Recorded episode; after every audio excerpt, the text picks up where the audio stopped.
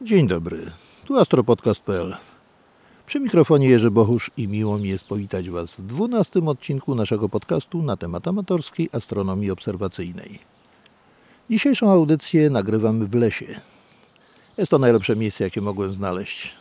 Jest, znajdujemy się w Słowińskim Parku Narodowym na mierzei oddzielającej Morze Bałtyckie od jeziora Gardno. Stąd w pobliżu słychać szum pobliskiego morza, szum drzew na wietrze i ewentualnie będą słyszalne jakieś ptaki albo głosy turystów podążających pobliskim szlakiem turystycznym. Zanim przejdziemy do tematu naszej audycji, jakie są odległości na niebie i w przestrzeni kosmicznej, chciałbym jeszcze na chwilę wrócić do poprzedniego odcinka. Mianowicie chciałbym Wam zarekomendować pomoc naukową do obserwacji i nauki gwiazdozbiorów jaką jest książka Przemysłowa Rudzia Atlas Gwiazd, przewodnik po konstelacjach. Jest to wspaniale wydana w twardej oprawie książka, której autor omawia zarówno poszczególne gwiazdozbiory, dokładnie opisując je. Na każdy gwiazdozbiór jest mapka. Opisane jest, kiedy najlepiej widać co ciekawego w nim jest, a we wstępie mówi także o tych wszystkich rzeczach pokrótce, o których my tutaj szerzej mówimy w naszych audycjach. I chciałbym jeszcze wrócić do naszego układu współrzędnych azymutalnych czy horyzontalnych. Mianowicie te współrzędne zależą zarówno od czasu obserwacji, jak, od jak i od miejsca, w którym znajduje się obserwator. Dwóch obserwatorów obserwujących, jeden załóżmy blisko bieguna, drugi blisko równika jakąś gwiazdę, na przykład Betelgeuse. Ten bliżej bieguna zobaczy ją na większej wysokości nad horyzontem, a w tym samym czasie ten obserwujący bliżej bieguna na przykład w naszych szerokościach geograficznych, będzie ją widział zupełnie nisko nad horyzontem, o wiele niżej.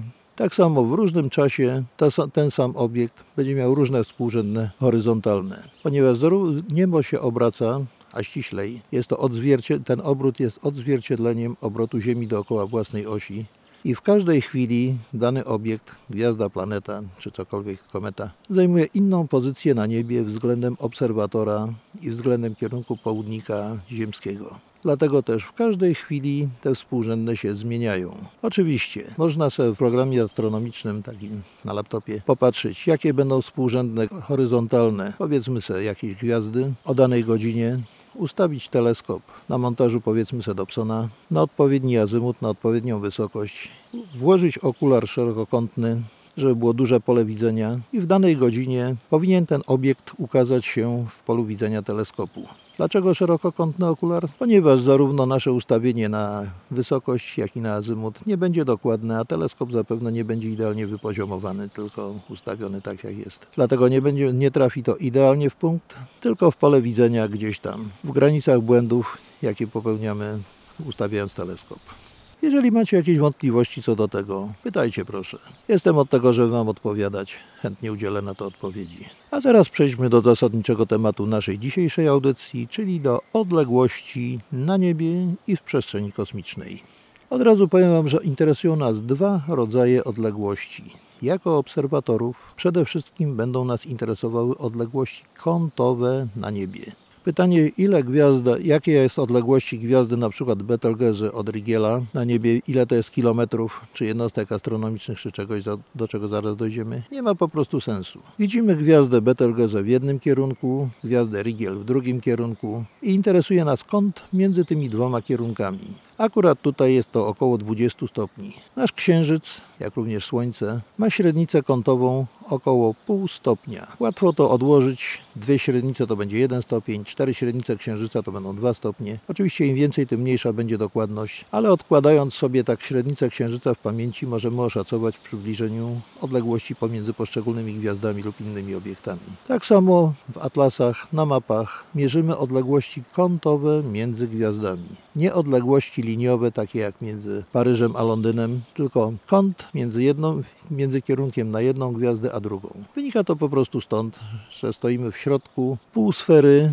niebieskiej, na którą rzutują się gwiazdy i interesują nas kierunki na te gwiazdy. Oczywiście największy kąt między dwoma obiektami będzie 180 stopni, a najmniejsze kąty rzędu niecałej sekundy. 10-centymetrowym teleskopem możemy zmierzyć kąt jeszcze w wielkości około 1 sekundy. Dużym teleskopem około 0,3 sekundy. Stosując bardzo wyrafinowane techniki obserwacyjne możemy jeszcze mniejsze kąty zmierzyć, ale to już do tego potrzeba dużych teleskopów, dużych obserwatoriów dobrze wyposażonych i fachowców, którzy umieją takie rzeczy robić. My jako amatorzy, jeżeli zejdziemy do 0,3 sekundy kątowej, to będzie bardzo dużo. Oczywiście najłatwiej rozdzielczość teleskopu i małe kąty mierzyć na dwóch, na gwiazdach podwójnych, ciasnych układach blisko siebie leżących. Takich jak chociażby cztery gwiazdy Epsilon Lutni, dwie podwójne, widoczne doskonale w teleskopie i widać je. I widać te małe kąty, jakie są między tymi poszczególnymi gwiazdkami.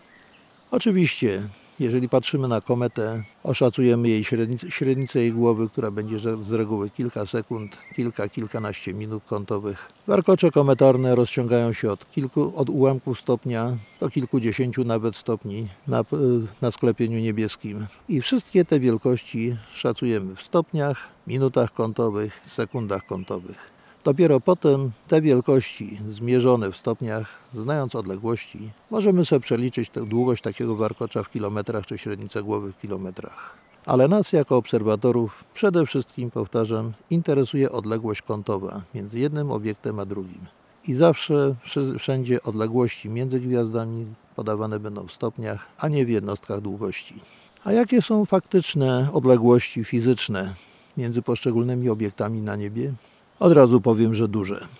Tak duże, że przekraczają nasze wyobrażenia. Na co dzień, będąc w domu, posługujemy się odległościami liczącymi w liczonymi w centymetrach albo w metrach. Kiedy wychodzimy na zakupy, czy gdzieś w pobliżu domu, liczymy odległości w dziesiątkach, setkach metrów, rzadko kiedy w kilometrach. Na dłuższy spacer idziemy parę kilometrów. Przejście 5 kilometrów zajmuje nam już ponad godzinę. Jeżeli człowiek nie jest wysportowany, zaprawiony do marszu, to się przy tym trochę zmacha. Kiedy jedziemy samochodem, liczymy odległość w kilometrach, gdzieś wyprawy poza miasto, dziesiątkach kilometrów. Jeżeli wybieramy się gdzieś do, dalej w Polskę, liczymy w setkach kilometrów. Przebycie tysiąca kilometrów w ciągu dnia samochodem jest już sporym wysiłkiem nawet dla zawodowego kierowcy. A jak się mają odległości do najbliższych ciał niebieskich? Przyjmijmy na chwilę, że zarówno planety obiegają Słońce, jak i Księżyc obiega Ziemię po orbitach kołowych o promieniu równym średniej odległości danej planety czy Księżyca od ciała macierzystego. Nie popełnimy przy tym większego błędu, ale znacznie uprości to nasze rozważania dalsze. I tak Księżyc, najbliższe ciało niebieskie, naturalne, nasz najbliższy sąsiad kosmiczny leży w odległości 384 400 km. Wydaje się to bardzo blisko. Ale gdybyśmy mieli ten hipotetyczny samochód, którym je- przejeżdża zawodowy kierowca 1000 km dziennie i gdyby on mógł poruszać się w przestrzeni kosmicznej, dojazd jadąc 1000 km dziennie do Księżyca trwałby ponad rok, a ściślej rok i niecały miesiąc. Słońce wydaje się niewiele dalej. Przez przypadek ma takie same rozmiary kątowe jak Księżyc. Tyle tylko, że jest jaśniejsze, więc wydaje się, że jest odrobinę dalej. Jak daleko? Bagatela. 150 milionów kilometrów. Jak to daleko jest? Światło z Księżyca do Ziemi dociera w ciągu niecałej 1,3 sekundy. Ze Słońca już około 8 minut. Naszym hipotetycznym samochodem jadąc 1000 km dziennie jechalibyśmy 150 tysięcy dni. Podzielcie sobie tą wielkość przez 365, czyli ilość dni w roku i będziecie wiedzieli ile to jest lat. Okaże się, że całe wieki i całe pokolenia. Tak wyglądają odległości między ciałami niebieskimi, a to wszystko są bardzo bliskie, bardzo krótkie odległości. Odległość Słońca od Ziemi wynosi 149 milionów 597 880 kilometrów. Tak przynajmniej oficjalnie jest podawane, czyli 149,5 miliona kilometrów. Dla równego rachunku możemy sobie założyć, że 150 milionów kilometrów i nie popełnimy przy tym większego błędu. Tą odległość nazywamy jednostką astronomiczną. I ta odległość właśnie, jednostka astronomiczna, służy do pomiaru odległości pomiędzy ciałami Układu Słonecznego. I tak, Wenus jest odległa około 0,7 jednostki astronomicznej od Słońca, Jowisz jest odległy około 5,2 jednostki astronomicznej od Słońca, Pluton jest odległy około 40 jednostek astronomicznych od Słońca. Dalej ciągną się pasy asteroid, pasy małych ciał, komet na bardzo, bardzo duże odległości, na tysiące jednostek astronomicznych. Dokładnie jeszcze to nie jest zbadane, to wszystko jest jeszcze bardziej szacowane, wymaga dokładniejszych badań. Dobrze, jeszcze jako ciekawostkę mogę podać Wam, że średnica gwiazdy Betelgeuse, czerwonego nadolbrzyma, którego eksplozji jako supernowa cały czas oczekujemy, wypatrujemy, wynosi 10 jednostek astronomicznych. Praktycznie średnica tej gwiazdy jest równa średnicy orbity Jowisza. A jak to się ma do odległości gwiazd? Tutaj już zupełnie odległości są inne. Niewyobrażalnie wielkie. Mierząc w jednostkach astronomicznych odległości do gwiazd, to jest tak, jakbyśmy mierzyli w metrach długość autostrady. Astronomowie stosują popularną jednostkę odległości zwaną rokiem świetlnym. Jest to odległość, jaką światło przebywa w ciągu jednego roku. A jak wiadomo, światło jest najszybszym czynnikiem, najszybciej poruszającym się przestrzeni kosmicznej. Równym 300 tysięcy kilometrów w każdej sekundzie. Ile to jest kilometrów rok świetlny? A no pomnóżcie sobie. 3600 sekund w godzinę razy 24 godziny razy 365 dni i pomnóżmy to sobie jeszcze razy 300 tysięcy kilometrów na sekundę. Sekundy z sekundami nam się uproszczą, wynik otrzymamy w kilometrach. Jak dobrze policzycie, zależy od dokładności Waszych kalkulatorów czy komputerów, będzie to odległość około 9,5 razy 10 do potęgi 15 kilometrów, co równa się około 63 240 jednostek astronomicznych. A to jest tylko jeden rok świetlny. Z praktycznych względów pomiarowych astronomowie stosują jeszcze inną jednostkę zwaną parsekiem. Parsek jest odległością, z jakiej widać promień orbity ziemskiej, czyli jedną jednostkę astronomiczną pod kątem jednej sekundy. Jeden parsek to 3,26 roku świetlnego albo 206 265 jednostek astronomicznych. Oczywiście to w pewnym przybliżeniu. Najbliższa gwiazda, Proxima Centauri, znajduje się w odległości około 1,3 parseka od nas, albo około 4,3 roku świetlnego. To już jest naprawdę tak daleko, że trudno ogarnąć wyobraźnią. Oczywiście przyjmujemy do wiadomości te, te cyfry, te liczby, ale jak to jest naprawdę daleko, ciężko to sobie wyobrazić. A to jest najbliższe sąsiedztwo kosmiczne. Średnica naszej galaktyki, drogi mlecznej, w przybliżeniu wynosi około 100 tysięcy lat świetlnych. Odległość do najbliższej galaktyki, galaktyki w Andromedzie M31, która widoczna jest gołym okiem, wynosi około 2,5 miliona lat świetlnych. To już jest naprawdę bardzo dużo. Tą galaktykę oglądamy taką, jaka była 2,5 miliona lat temu. Jeżeli coś się w tym czasie wydarzyło, Dopiero od 2,5 miliona lat od tego wydarzenia mieszkańcy Ziemi dowiedzą się o tym. Obserwując odległe obiekty, musimy zdawać sobie sprawę, że obserwujemy je takie, jakie były w momencie, kiedy światło je opuściło. Jakie są w tej chwili, nie wiemy. To, co widzimy, jest to taki obiekt, jaki był w momencie, kiedy światło go opuszczało. Ileś tam minut, lat, tysięcy lat, milionów, czy nawet miliardów. Najdalszy odkryty obiekt, jaki jest znany nau- nauce, niedawno odkryty, jest odległy około 13,4 miliarda lat świetlnych od Słońca, czyli od Ziemi, mówiąc prosto od nas.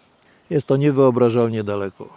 Jakkolwiek byśmy na to nie patrzyli, ale już opieramy się o dzieło stworzenia, cokolwiek to nie znaczy, czyli o początek wszechświata, ponieważ zgodnie z obliczeniami podaje się różnie, od 10 do 20 miliardów lat, ale to odkrycie przeczy 10 miliardom lat musi być więcej. Ale średnio przyjmuje się, że wszechświat liczy sobie 15 miliardów lat, czyli 15 miliardów lat temu nastąpił wielki wybuch. Oczywiście nie będziemy się tutaj tym zajmować, bo to jest zupełnie inny temat kosmologia. Tyle tylko, żebyście wiedzieli, że są współcześnie obserwowane nawet tak odległe, czy jednocześnie tak słabe obiekty. Obserw- Obserwując ten obiekt, widzimy to, co działo się na początku istnienia wszechświata. Był to prawdopodobnie jeden z pierwszych obiektów, jakie zaświeciły w młodym wszechświecie. I dopiero teraz, po 13,5 milia- miliardach lat, to światło dotarło do nas. Uff, daleko zabrnęliśmy od domu. Chyba pora wracać. Czas najwyższy. A skoro mowa o czasie, to króciutko. Nie będę Wam mówił oczywiście o tym, czym jest czas i tak dalej. To zostawmy filozofom. Nas interesuje notowanie czasu. Na co dzień posługujemy się czasem urzędowym, w tej chwili letnim, czyli czas uniwersalny UTC, plus dwie godziny. W zimie czas zimowy, czyli czas uniwe- uniwersalny UTC, plus jedna godzina. Jednak na co dzień w astronomii i nie tylko w astronomii, a w takich ogólnoświatowych, poważnych działaniach notujemy czas w czasie uniwersalnym, czyli UTC, takim jaki jest na południku Greenwich w Londynie. Jest to czas światowy i według tego cała astronomia, że tak powiem, chodzi i regulowana jest. I tak też możecie robić zapiski swojego czasu.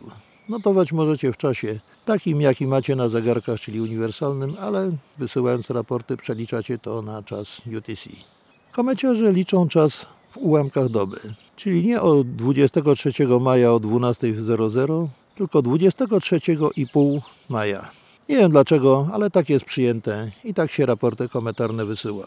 Natomiast obserwatorzy gwiazd zmiennych używają jeszcze innych notacji czasu, mianowicie dni juliańskich. Jest to ciągła rachuba czasu bez lat, która zaczyna się 1 stycznia minus 4713 roku przed naszą erą. Dni juliańskie są liczone od południa, a początek ich wyznacza tam parę cykli się zbiega, łącznie z cyklem ściągania podatków przez Rzymian. Kiedy się zbiegło akurat tym dniu i od tego zaczę- dnia zaczęto liczyć czas dni juliańskich. Początek doby juliańskiej nie jest o północy, ale w samo południe. Oczywiście są programy różne, które przeliczają datę bieżącą i godzinę na dobę juliańską. O tym dokładniej będziemy mówili przy obserwacjach gwiazd zmiennych. Podaję Wam tylko teraz, żebyście wiedzieli, że takie notacje czasu tak samo są i żebyście nie byli zdziwieni. Dni juliańskie w zasadzie obejmują cały znany okres pisanej historii ludzkości i wszelkie dostrzeżenia, wszelkie ewentualne jakieś no- notatki na temat, zapiski na temat wybuchu gwiazd nowych, supernowych można dosyć łatwo umiejscowić w czasie, a poza tym wszystkie okresowe gwiazdy od razu wykazują tutaj periodyczność w ilościach dni, co trudno byłoby zauważyć i przeliczać z daty na datę. A tutaj mamy od razu na bieżąco w liczbie dni. Na co dzień wydaje się dosyć to skomplikowane, ale jak się tym troszeczkę zajmiecie, okaże się, że to jest bardzo proste. A skoro już żeśmy czas poruszyli, to chyba czas kończyć naszą audycję dzisiaj. Pięknie tu jest w tym studio leśnym, aż szkoda wychodzić. Jak zawsze zachęcam Was do komentowania zarówno na stronie Astro Podcastu, jak i w mediach społecznościowych, na profilu Jerzy Bohu, zarówno na Facebooku, na Twitterze, na Instagramie. Zapraszam również do kontaktu mailowego, a obiecuję, że już na, wkrótce naprawdę uruchomię telefon i będziecie również mogli dzwonić ze wszystkimi zapytaniami, wątpliwościami, sugestiami, ewentualnie propozycjami audycji, jakie chcieli, o czym chcielibyście posłuchać. Jestem dla Was i będę chętnie to robił i chętnie się z Wami kontaktował. A dzisiaj życzę Wam miłego wieczoru albo miłego dnia, zależy kiedy tego słuchacie. A wszystkim obserwatorom życzę czystego nieba i udanych obserwacji. Do usłyszenia w następnej audycji. W następnej audycji powiemy sobie już troszeczkę na temat fizyki, ale nie bójcie się, nie będzie to takie groźne. Na razie.